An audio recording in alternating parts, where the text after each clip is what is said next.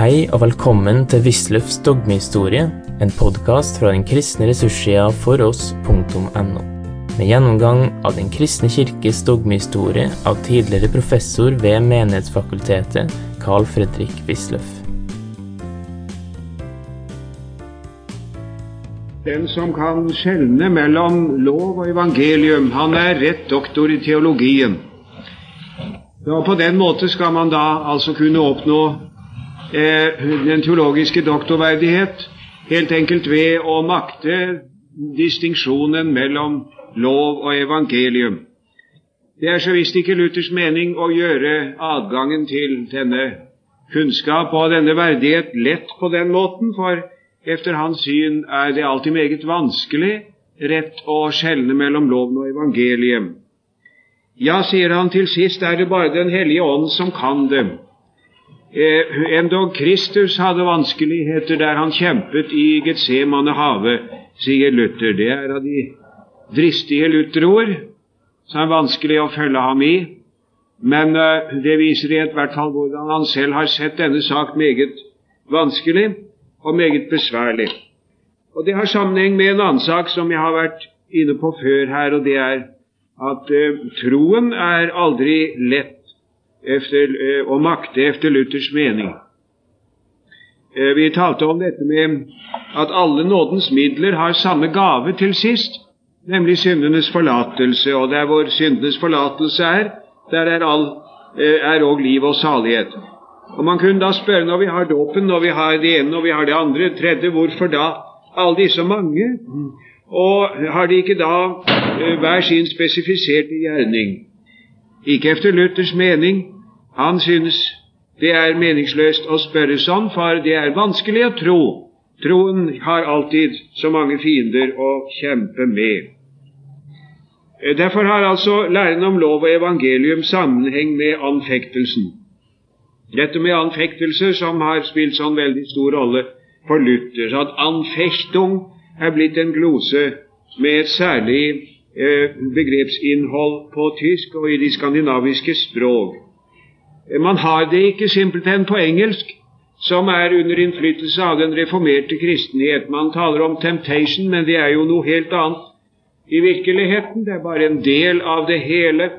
Eh, man taler på latin om 'temptatio', men det betyr Og vi kunne da si det sånn at intet menneske forstår hva det har på seg å være en fortapt synder. Han forstår det ikke rent psykologisk, opplever ikke det helt psykologisk, men han må få en trosoverbevisning om dem. Å, det er en lang lekse å lære. Tenk hvor milevidt forkynnelsen i dag er borte fra dette. Det er så langt borte at det, de fleste forkynnere aner ikke hvor de skal sikte seg inn engang for å komme i nærheten. For Nå hører vi jo ikke noe annet enn dette at ja, overbevisning om synd det er en rent psykologisk sak. Man opplever at man er en, en, en synder. Og ettersom menneskene ikke forstår det i dag, så nytter det ikke å snakke til dem om syndenes forlatelse, for de forstår ikke at de trenger det. Man kan ikke vende eh, helle vann ut i en myr, skrev en kjent teolog for noen år siden. Det er ganske overflødig. Man kan ikke øse syndenes forlatelse utover mennesker som ikke forstår at de trenger den. Nei, her må, må man da foreløpig preke strammere saker, og så tale har moral. Moralen er loven. Akk ja, det er Klaveneses arv som vi sleper på efter nå to generasjoner. Torvald Klavenes, den store læremester i, eh, i, i, i prekenlære omkring århundreskiftet, som ennå preker, enda samtidig står opp på graven åpenbart og taler både gjennom teologer og biskoper når de skal veilede oss om hva forkynnelse er for noe, og forteller oss at det er altså eh, moralen som er lov. Vi må tale moral, streng moral til menneskene, så forstår de at de er fortapte syndere. Det gjør de absolutt ikke, sier Luther. Ikke tale om. Det gjør de ikke. De forstår ikke det av å høre om aldri så høy moral. Eh, de kan reagere mot moralen og si at dette er altfor strengt, eller de kan fariseisk innbille seg at de makter det. De kan gjøre hva som helst, unntagen nettopp det å møte Gud i Hans lov. For det å møte Gud i Hans lov er en ganske annerledes dyp opplevelse av eh, Guds nærvær i Hans vrede. Det er lovens annen bruk, at den overbeviser oss om at Gud er vred, at vi har syndet. Eh, til dette føyer så Melanton senere, og med ham Concordieformelen 1577 Eh, en tertius usus legis, en lovens tredje bruk, eh, nemlig for dem som er gjenfødt, de troende, gjenfødte kristne, som da har loven som en rettesnor for sitt liv. De får vite hva Gud har behag i for gjerninger, derved at loven forteller dem det. Eh, for 30-årene så hadde vi en betraktelig diskusjon om det der med lovens tredje bruk. Det var et høyt, høyaktuelt eh, teologisk diskusjonsemne i det noen ville si at denne tredje bruk er ikke skikkelig luthersk, ettersom Luther bare taler om to bruk. En utvortes eh, sivil eh, bruk, og holde de eh, i tømme, disse menneskene som lever eh, verslig, Eh, og eh, i sine grove synder. Og så for det andre eh, bruken i samvittigheten og overbevise om at vi er syndere. Vi kjenner ikke noe annet, sa man. Det er i virkeligheten noe skinnfektning, skyggeboksing, det der. Faktum er at en grunntanke hos Luther er at skal vi ha full klarhet over hva Gud har behag i, så må vi ha det av Hans ord. Vær god til verket, wissen vil und tun, der darf nichts anderes den Gottes Gebote wissen, sier han i Skriftet om de gode gjerninger i 1520. En veldig viktig skrift hos Luther i så måte. Der er tanken den at uh, menneskene har gjort seg så mange gjerninger som de tror Gud har behag i. Det er møncherei. Det er uh, at man Eh, faster, og at man forbyr seg selv eh, ting man har lyst på, at man driver med valgpart osv., osv., går i kloster. Eh, det har Gud behag i. Men det står der ingen steder om i Guds ord. Og følgelig så har vi ikke noe hjelp av det. Vi kommer ikke rett av sted med det. Vi må spørre Guds ord hvilke gjerninger Gud har behag i. Og gjør vi så dem, de gjerninger som Gud har sagt, så gjør vi Guds gjerninger. Og det har vi da først og fremst i de ti bud, sier Luther i dette skriftet. Og hvor eh, sterkt han visste det, har han også sagt oss i eh, sin, eh, sin salme om de ti bud. Den har ikke vi. Ingen har gjendiktet denne lutherske salme om de ti bud. Det, hvis noen føler seg kalt til å forsøke, så kunne det kanskje være mulig å gjøre noe virkelig godt. Men der sier han Die Gebot all uns geben sind, dass du dein Sünd, o Menschenkind, erkennen sollst und lernen wohl, wie man vor Gott leben soll. Der har vi det enkelt og like til begge deler. Die Gebot all uns geben sind, dass du dein Sünd, o Menschenkind, erkennen sollst und lernen wohl, wie man for godt leben soll. Det er den annen og den tredje bruk faktisk hos Luther. Denne tanke imidlertid, at vi bare har kjennskap til gode gjerninger, hva som er godt i Guds øyne, ifra Guds ord, den tanken står allikevel ikke alene hos Luther. Og dermed kommer vi nå, jeg venner meg til det tillegget som vi har fått, eh, til en eh, veldig viktig sak som eh, tror jeg viser oss en feilkonstruksjon faktisk på et viktig punkt, ikke bare hos Luther, men i den historiske lutherdom. Og vi er ved noe som er vel verdt, tror jeg nok, kanskje å overveie nettopp i dag. Luther regner jo nemlig også med en lex naturalis. Vi kjenner Guds vilje ifra eh, men vi finner den også ifra den naturlige åpenbaring. Og det er en tanke som kommer inn i et par sammenhenger. For det første når det gjelder Moseloven. Eh, eh, Moselov, sier Luther, den angår i virkeligheten i første rekke jødene. Det er det jodens Sachsenspiegel. Vi kunne si det er eh, altså eh, eh Gulatingsloven eller Frostatingsloven eller noe eh, for vår, for vår del. Det er mye i, i Moselov som bare var tenkt å skulle gjelde jødene, og ikke har universell betydning.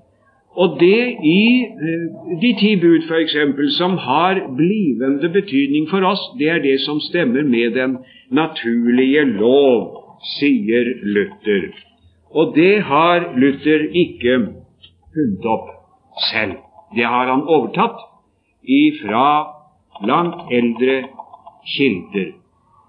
Uh, Inge Lønning har i sin bok 'Levende Luther' oversatt noen lutherskrifter der i forordet, eh, side 115 følgende, eh, antydet at det var en forbløffende klar erkjennelse av det historisk betingede ved Bibelen hos Luther. Vi får inntrykk av at det var noe splinter nytt, dette her, hos Luther. Det er Man skal alltid vokte seg. Man har så lett for å tro at når Luther sier noe, så er det splinter nytt. Men det er ikke det. Det er mye hos Luther som han har overtatt ifra gammel. Og eh, dette eh, kan man lese eh, f.eks. hos Thomas av Aquino. Og det er også enda eldre, faktisk. At Moseloven er i første rekke beregnet på jødene. Og det av Moseloven som er gyldig overfor oss, det er det som stemmer med den naturlige lov. Det er gammel betraktning i teologien, det der. Men så kommer altså denne naturlige moralerkjennelse også inn i en annen sammenheng, og det er det som heter vårt kall og vår stand. Alle mennesker er av Gud satt i en, en stand og har et kall. Det vil si vi lever i relasjoner. Vi har en familiær relasjon som vi lever i. En er eh, far eller mor, eller en er, eh, en er, en er barn i, i, huset. En er eh, tjenestegutt, tjenestejente. Det var den patriarkalske tid, dette her. Eh, eller man står i en eh, og, og man står i en øvrighet, undersått relasjon. Man er øvrighetsperson, eller man er eh, en undersått som det har å lyde. Eller om han hører til i den eh, sammenheng som heter prestestanden, og har da den stand som under en synsvinkel er den høyeste av alle. Og dette daglige arbeid, det vårt daglige arbeid skal vi da gjøre i vår stand.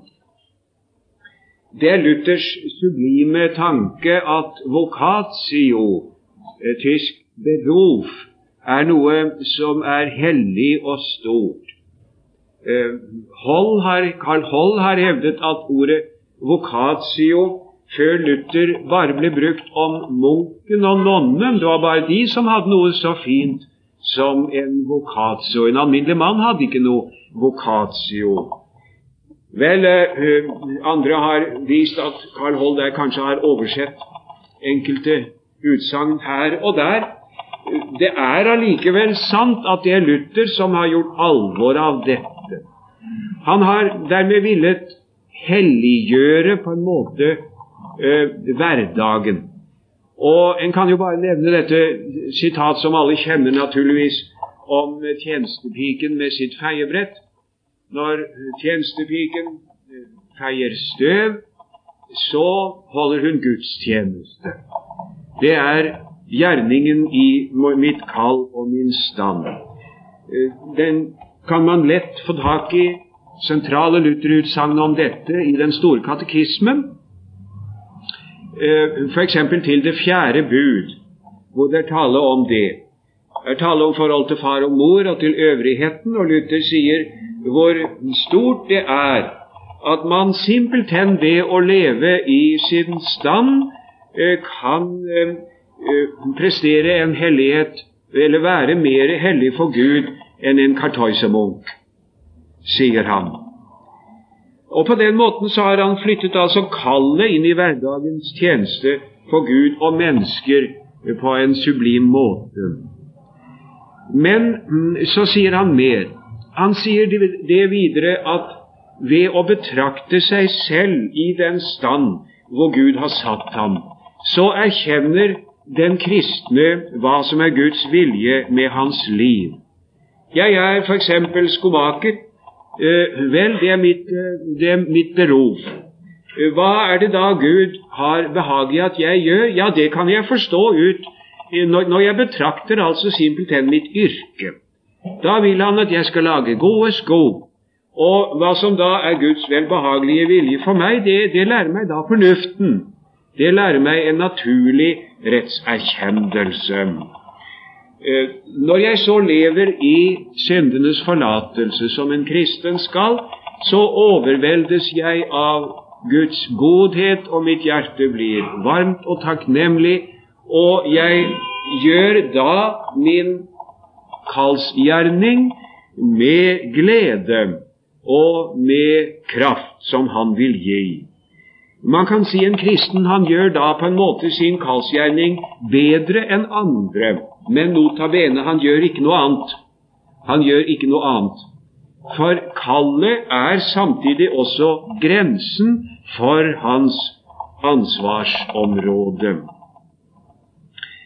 Her har Luther, og især den historiske lutherdom, ikke drevet radikal åpenbaringsteologi. Normen for det gode tas ut fra kall og stand. Eh, og Så kommer altså jenta med, med feiebrettet og lærer oss hva som er gudstjeneste. Følgene av dette igjen går især i to retninger. Eh, for det første blir da denne, denne lutherske kallsetikk den får et drag av trofasthet, av utholdenhet, av sterk pliktfølelse. Det gjør den. Eh, det, det, dette, den, den, fostrer mennesker som eh, nøkternt og like til gjør hva han skal for Gud i sitt kall og sin stand. Dette har jo lange linjer i forkynnelsen. Jeg vet ikke jeg, jeg, jeg har hørt så mange ganger om, om Rasmus Sand borte i Stavanger, en generasjon før oss, eller før meg, som eh, ropte i bedehuset Betania, stappfullt som det var. Han så ei jente som smatt inn langt nede. Det var fullt i bedehuset. Hun hadde hørt en samtale med mora, med, mellom mora og så jenta tidligere om dagen. Hun ville gå på møte, men, men, uh, men mor sa du skulle være hjemme og trekke rulla i dag. Og da han så så jenta komme inn, så brøler han 'Gå hjem og rull'. Så det, det med såkalt sier Luthers kallsetikk, den oppdrar til en nøktern lydighet der hvor man er satt. Men eh, på den måten er man altså eh, kan man være og holde ut, og man fortrøster seg til Guds forsyn. Alt dette er eh, noe av det edleste ved lutherdommen. Det har f.eks. hjulpet, kan man tenke, i de store krigenes tid i Tyskland mennesker til å holde ut, og det har inspirert til disse fine salmer, skjønne salmer om forsynet, som er noe av det rikeste av det vi har i den lutherske arv i det hele tatt. Sørg, o kjære Fader, du, og disse sangene. Men øh, den, det har en skyggeside når det betones sterkt og eksklusivt, og det er at denne kallsetikk blir passiv. Eh, mitt kall og mitt stand gir meg område hvor jeg skal utfolde min sedelige streben, men mitt kall og min stand gir meg også grensen for min innsats. Jeg har ikke noe med å gripe over i en annens kall og stand. Og er jeg da undersått, og det er de fleste av oss, så har ikke jeg noe med det. Jeg kan kanskje, hvis det er mitt kall og min stand, men da må jeg være prest eller noe, formane fyrsten til å ta skjeen i en annen hånd. Men jeg, er jeg ikke engang er jeg ikke engang eh, prest eller biskop eller noe, så har jeg ikke engang noe med det. Og det kan være tvilsomt nok om presten har med det. Det er en del historier om uh, lutherske prester som har sagt sin første sannhet, men de er ikke mange. Og man har f.eks. ikke som jeg vet noe sidestykke til en mann som John Knox i hans samtale med Mary Stewart. Uh, But I will, sa Hennes Majestet. Your will, madam, is no reason, svarte John Knox. Og senere i samtalen But my conscience is not like that. Conscience, madam, requires knowledge, and of right knowledge I can see ye have none. Altså, det, det, er i den reformerte tradisjons uh, sterkere biblisisme, sterkere og mer ensidige innsiktning på Guds lov, et moment av loviskhet som lutherdommen uh, ikke har, og som vi ikke savner. Men det er på den annen side også et tildriv til å sprenge liksom grensen for der man er satt. Og det kunne vi uten skade ha hatt noe mer av. For det andre blir på denne måten den lutherske kallsetikk lett besteborgerlig. Man er jo satt i dette eh, kall og i denne stand, og man gjør eh, den gjerning som følger med det. Trofast utholdenhet, og så er det liksom ikke noe mer. Vil man se noen eksempler på hvor galt man kan komme av sted på denne måten, så skal man lese en betenkning avgitt i 1863 av Det teologiske fakultet ved Universitetet i Kristiania under Gisle Jonssons forsete om negerslaveriet. Det ble avgitt etter anmodning fra Amerika. Det var jo under The Civil War, borgerkrigen, og det begynte i stigende grad å dreie seg om, om negerslaveriet. Og Der utvikler Det teologiske fakultet, Kaspari og Jonsson og de andre, at uh, slaveri uh, er uh, visselig i dårlig overensstemmelse med de bibelske tanker om menneskenes brorskap og om nestekjærlighet og den slags ting. På den annen side er dette en ordning som historisk er der, og som man derfor ikke kan erklære for umulig og ikke har rett til å oppheve uten videre med makt. Og hvis en slaveeier vil gi en slave fri, så må han være ytterst forsiktig med måten han gjør dette på, så han ikke skaper et skinn av å ville stride mot det lovlikt bestående.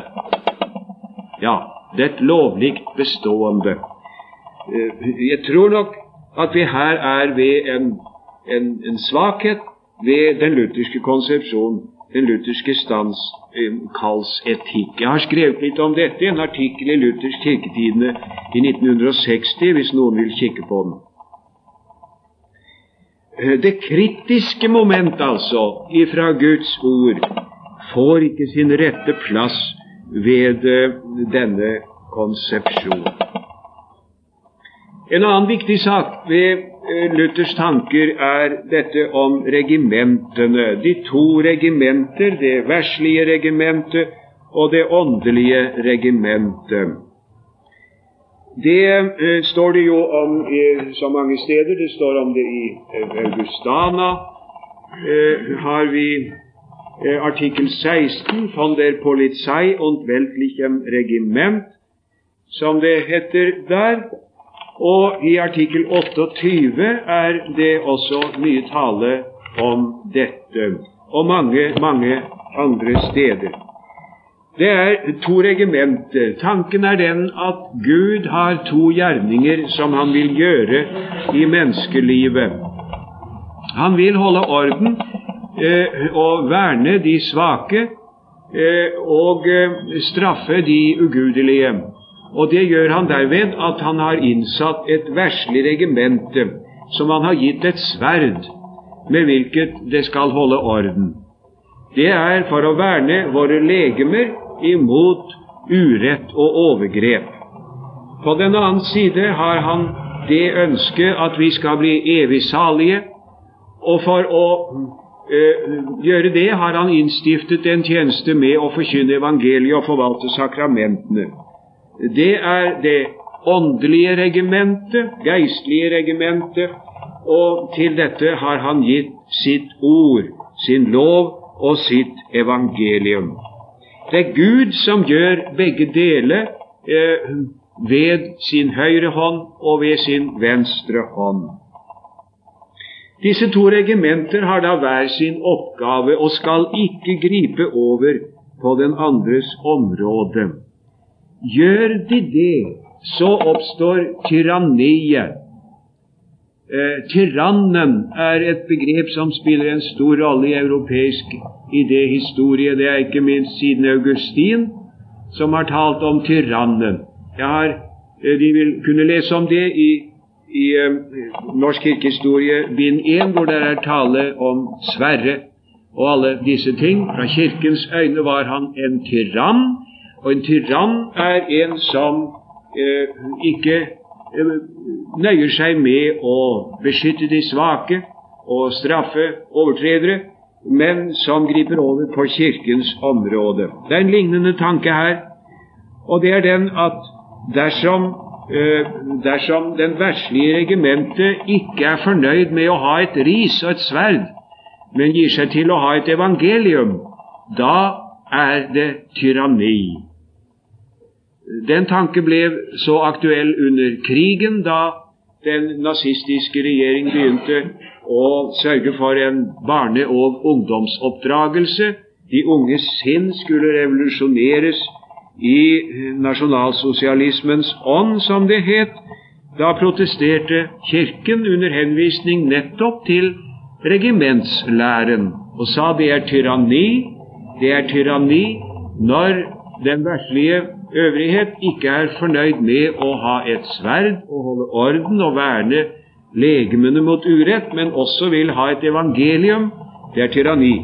På den annen side kan også det geistlige regimentet eh, bli et tyranni, når det nemlig ikke er fornøyd med å ville forkynne Guds ord til vår frelse, men gir seg til å herske på verslig område. Og på reformasjonstiden var det jo dette som var det store problemet. Paven har så mange en gang lyst sine politiske fiender i bann. Eh, det er mye diskusjon om regimentslæren nå for tiden, og mye kritikk av regimentslæren. Eh, man sier det er en svakhet ved lutherdommen, og denne lære må vi gjøre noe med. Eh, jeg eh, er eh, ikke uten videre enig. Jeg, er enig i resonnementet for så vidt, men jeg vil sette fingeren på et litt annet punkt. Det er ikke regimentslæren, om jeg får lov å si det kort, etter mitt syn, som er det svake, men det er kallsetikken. Det er ikke helt det samme. Regimentlæren er denne forestilling at Gud gjør to gjerninger i menneskelivet en fra å holde utvartes orden, til det bruker han det, det verslige regimentet, og han har en gjerning for at vi skal bli salige, til det bruker han det åndelige regimentet. I den eh, lære er det uoppgivelig riktige drag, vil jeg nok si. Men i kallsetikken er det vanskeligere. Og det, når, når, det har vært såpass lite av det å lese øvrigheten, teksten f.eks., så tror jeg nok at det er vel så mye svakheten ved kallsetikken som ved regimentleiren. Det er ikke helt det samme, det, faktisk.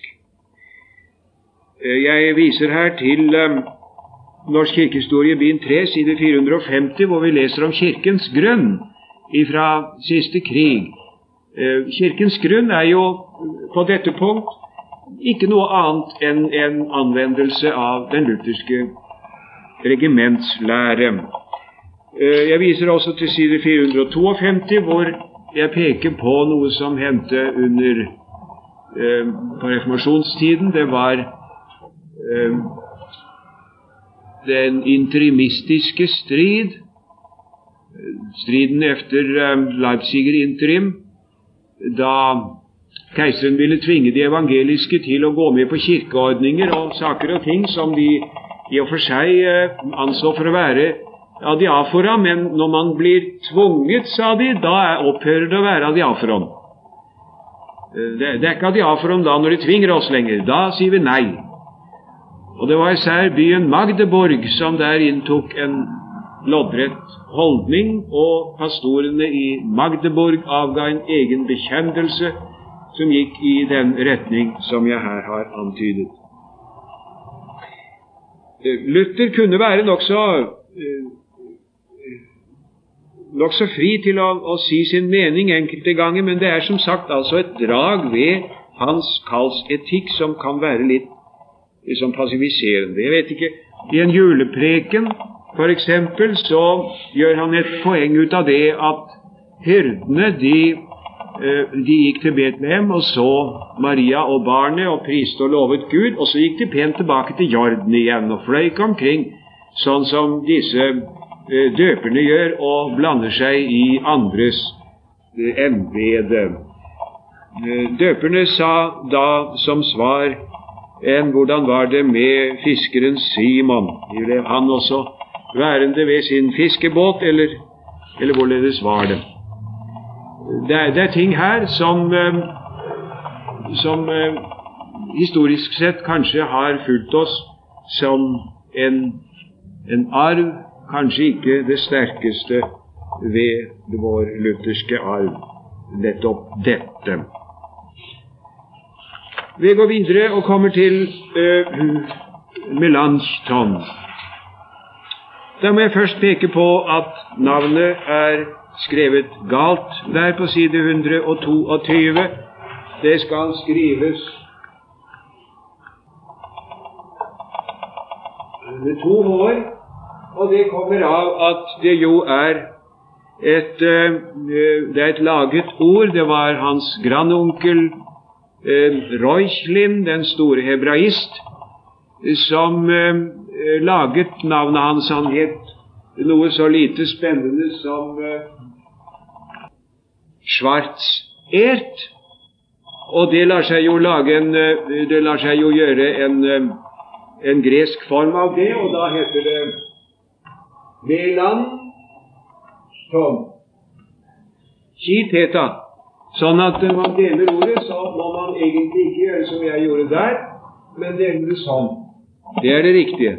Shton. Det er to stavelser. Melan, shton. Og det er to hår.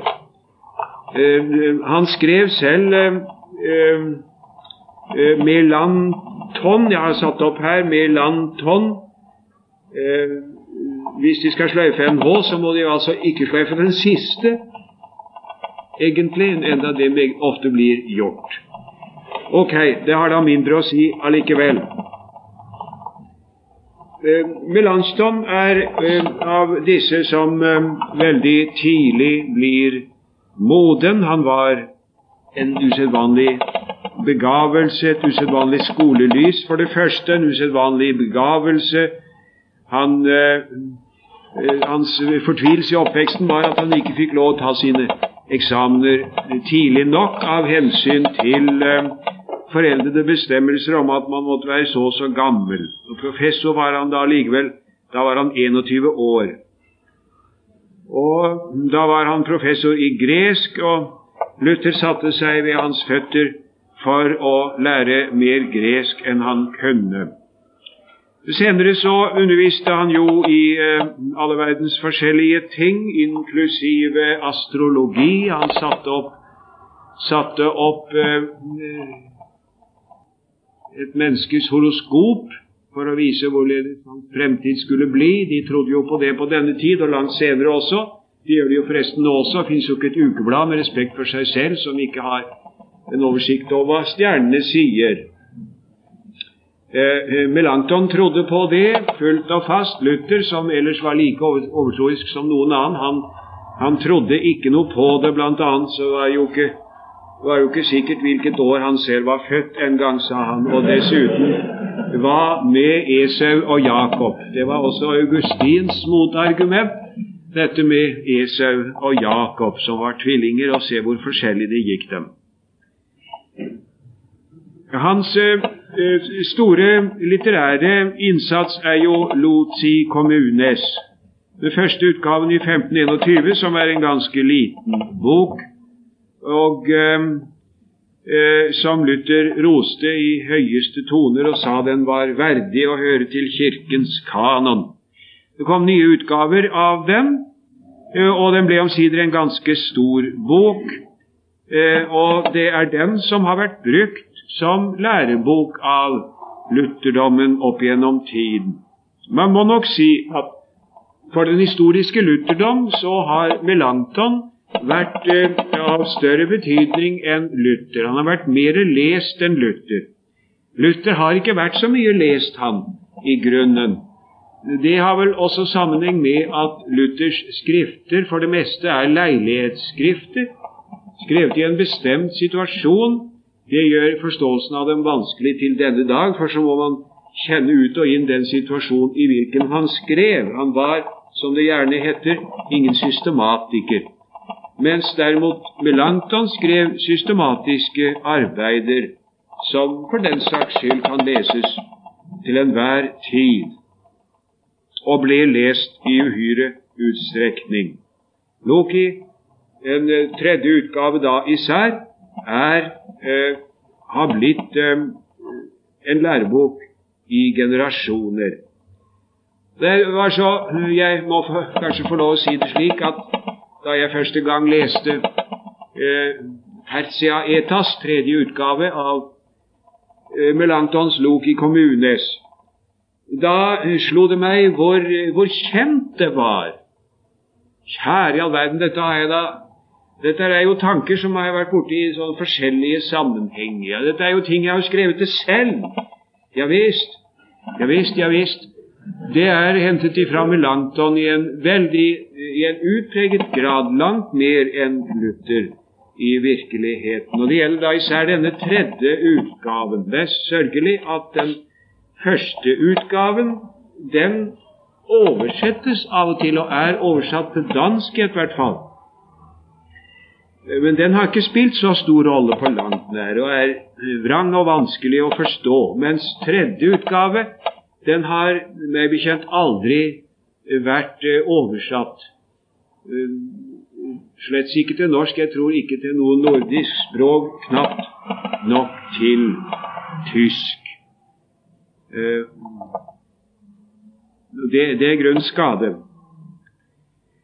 Han innførte eh, Aristoteles i grunnen for så vidt som det var den aristoteliske begrifflichkeit som kom inn igjen. Det ble en ny skolastikk på en måte. Man kan se disse eh, aristoteliske begreper i bruk igjen. Luther likte dem ikke, men her kom de inn igjen det, det, er vanskelig å si hva man skal mene om Melanchthon og hans historiske innsats. Var han en tro lutheraner, eller var han en forfalsker av lutherdommen og av evangeliet? Det er mange som vil si det siste, at han har uh, i grunnen uh, ødelagt den sanne lutherdom. Noen overdriver det synspunktet ganske voldsomt, slik at man uh, får en beklemmende følelse av at det, det sanne klare sannhetens lys det skinte i noen ganske få år mens Luther levde, men så ble det slukt igjen praktisk talt med det samme. Det, det, det, er, det er en overdrivelse. Det er klart nok at det er forskjeller i betraktning mellom Melanchthon og Luther, og jeg skal i neste time gå inn på det. Men det er eh, like sikkert at han i sentrale områder har forstått den evangeliske reformasjons innerste anliggende. Det er sikkert nok. Rettferdiggjørelseslæren og mange andre ting har han sagt klart og tydelig. Det, der hvor han har avveket, det gjelder især om viljens frihet, hvor lutherdommen historisk har holdt seg til Melanchthon og ikke til Luther. Vi, den strenge predestinasjonslære som Luther hadde, eh, og som er like streng som Calvins i virkeligheten, den ble jo ikke den lutherske kirkes lære, men det ble Melanchtons syn som i grunnen oppgav predestinasjonslæren i egentlig forstand i slutten av 20-årene allerede. Det er den som Kirken har fulgt. Så avvek han i sakramentlæren, og særlig når det, for så vidt det gjaldt eh, nattverdens sakramente. Og det var det som det ble sånne veldige kamper om, som vi her senere skal komme tilbake til. Du har nå hørt Wisløffs dogmehistorie. Finn flere ressurser og vær gjerne med å støtte oss på foross.no. Følg også gjerne noen av våre andre podkaster, f.eks. Table Talks.